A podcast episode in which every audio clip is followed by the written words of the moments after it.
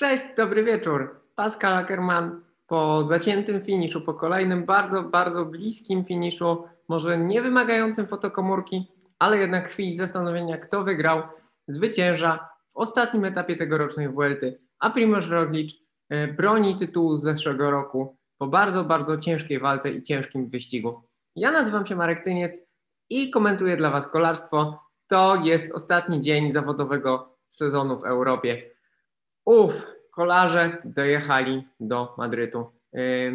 Nikt się nie spodziewał, że kolarstwo, które ma wiele problemów, wiele problemów finansowych, wiele problemów organizacyjnych, że kolarstwo zawodowe tak znakomicie poradzi sobie w tym niezwykle trudnym e, roku pandemii. E, wydawało się, gdy e, kolejne europejskie kraje zdejmowały lockdown i nie było wiadomo, co się stanie, wydawało się, że tak naprawdę jest kwestią czasu, kiedy y, peleton na którymś z wyścigów cały się zarazi i wszystko pójdzie na marne. A tymczasem tych zarażeń było raptem kilka, y, protokół sanitarny, ta bańka, ta idea bańki, w której y, każda drużyna przebywała, poza jakimiś nielicznymi wyjątkami, jakąś wpadką niewielką na Giro, wygląda na to, że to wszystko zdziałało znakomicie i myślę, że organizatorzy Igrzysk w Tokio, organizatorzy wielu innych um, imprez kolarskich, um, nie kolarskich, sportowych, będą się uczyć od kolarstwa, bo słuchajcie, to są wielkie przedsięwzięcia logistyczne, tak? To jest sam peleton to jest prawie 200 osób, do tego drugie tyle obsługi, wiele samochodów, y, ludzie, którzy stawiają barierki, y, wszystko, tak? Cała ta impreza obwoźna, przejeżdżająca przez dużą część kraju mm, i udało się uniknąć zarażeń, problemów. Także naprawdę myślę, że przykład kolarstwa, przykład tego, jak można tak skomplikowaną imprezę zorganizować, będzie, no, będzie dla innych, będzie dla innych, y, zwłaszcza, że no, nie oszukujmy się, tak, mm, żyjemy w takich czasach, że e, różnego rodzaju zagrożenia E, będą torpedować świat, będą torpedować świat, będą torpedować imprezy masowe. E, dziwnie się to wszystko oglądało, dziwnie się to wszystko oglądało bez kibiców e, na tych kluczowych podjazdach. Dziś na ulicach Madrytu byli kibice, stali przy trasie na, na osłodę, chociaż na osłodę dla kolarzy, gdzieś tam ktoś ich podopingował. Piękny finisz. Wiadomo, że te ostatnie etapy jeżeli nie są czasówką, to te ostatnie etapy to jest celebrowanie całego wielotygodniowego wysiłku, który wszyscy włożyli w pokonanie tych kilku tysięcy kilometrów i sprint na koniec. Symptomatyczne, że e, sprint najlepiej rozegrała ekipa Bora Hansgrohe, ekipa Bora Hansgrohe, która no, w tym roku nie grzeszyła dobrą taktyką, nie grzeszyła zgraniem, nie grzeszyła skutecznością udało im się wyprowadzić Pascala Ackermana. Pascal, Pascal Ackerman jest świetnym sprinterem, trzeba o tym pamiętać. I on obronił się przed e, samym Bennettem. Sam Bennett ewidentnie szybszy, ale zabrakło. Na pewno no, e, Bora wygrała ten etap Ackermanowi dzięki dobrej drużynowej jeździe w samej końcówce. Mm, Bennett e, oprzedł się smakiem, zdarza się.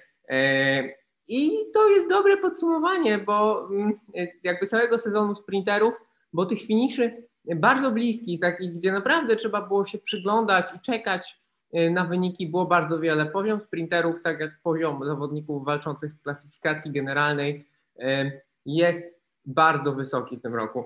Primoz Roglic y, obronił się po tych trudnych chwilach na Kowatii, udało się Polecam Wam odsłuchać e, Chrisa Hornera z wczoraj. Naprawdę bardzo ciekawie analizuje taktykę drużyny Jumbo-Visma. No, drużyna Jumbo-Visma jechała bardzo dziwnie ten wyścig. Być może oni muszą e, coś zmienić w tym, jak rozgrywają walkę o klasyfikację generalną. Są super mocni, naprawdę mają w tym momencie chyba największą siłę ognia w zawodowym peletonie, jeżeli chodzi o prowadzenie, prowadzenie grupy, nadawanie tempa, kontrolowanie sytuacji. A ta sytuacja prawie wymknęła im się z rąk. Prawie ale jednak nie. Primoz Roglic w czerwonej koszulce jest zwycięzcą, chociaż wydawało się przed tym sezonem, że on może być takim zawodnikiem, którego bardzo trudno będzie pokonać. Na turze został pokonany, na Vuelcie się obronił, ale to nie jest tak, że Roglic jest tym dominatorem. On sobie um, o te zwycięstwa musi bardzo, bardzo walczyć. Fajnie, że Richard Carapaz potwierdził swoje możliwości, że jest tym pretendentem w wielkich turach. W tle widzicie Enrika Massa, oczywiście, no może jest trochę niedosytu, ale ja bym tak tego nie powiedział.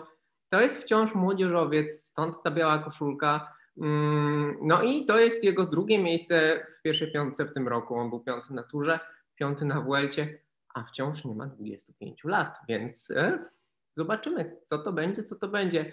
Martin e, w koszulce najlepszego górala. E, fajnie, że sobie coś wygrał. Etatowy uciekinier na tym wyścigu. W ogóle ucieczki na Vuelcie w tym roku były niezmiernie jakościowe.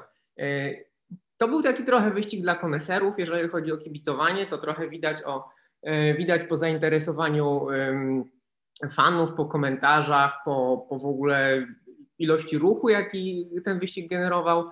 Ale słuchajcie, e, no bo tej walki po takim bardzo intensywnym pierwszym tygodniu w kraju Basków, potem było troszkę mniej, nie było tego takiego bardzo dużego napięcia, mimo że walka Karapaza z Rogliczem i z Hugh była naprawdę bardzo bliska i bardzo zacięta ale w dużej mierze ten wyścig stał pod znakiem jakościowych y, ucieczek, w którym było bardzo wielu znakomitych zawodników. Jednym z nich był Martin, czego efektem jest koszulka najlepszego górala.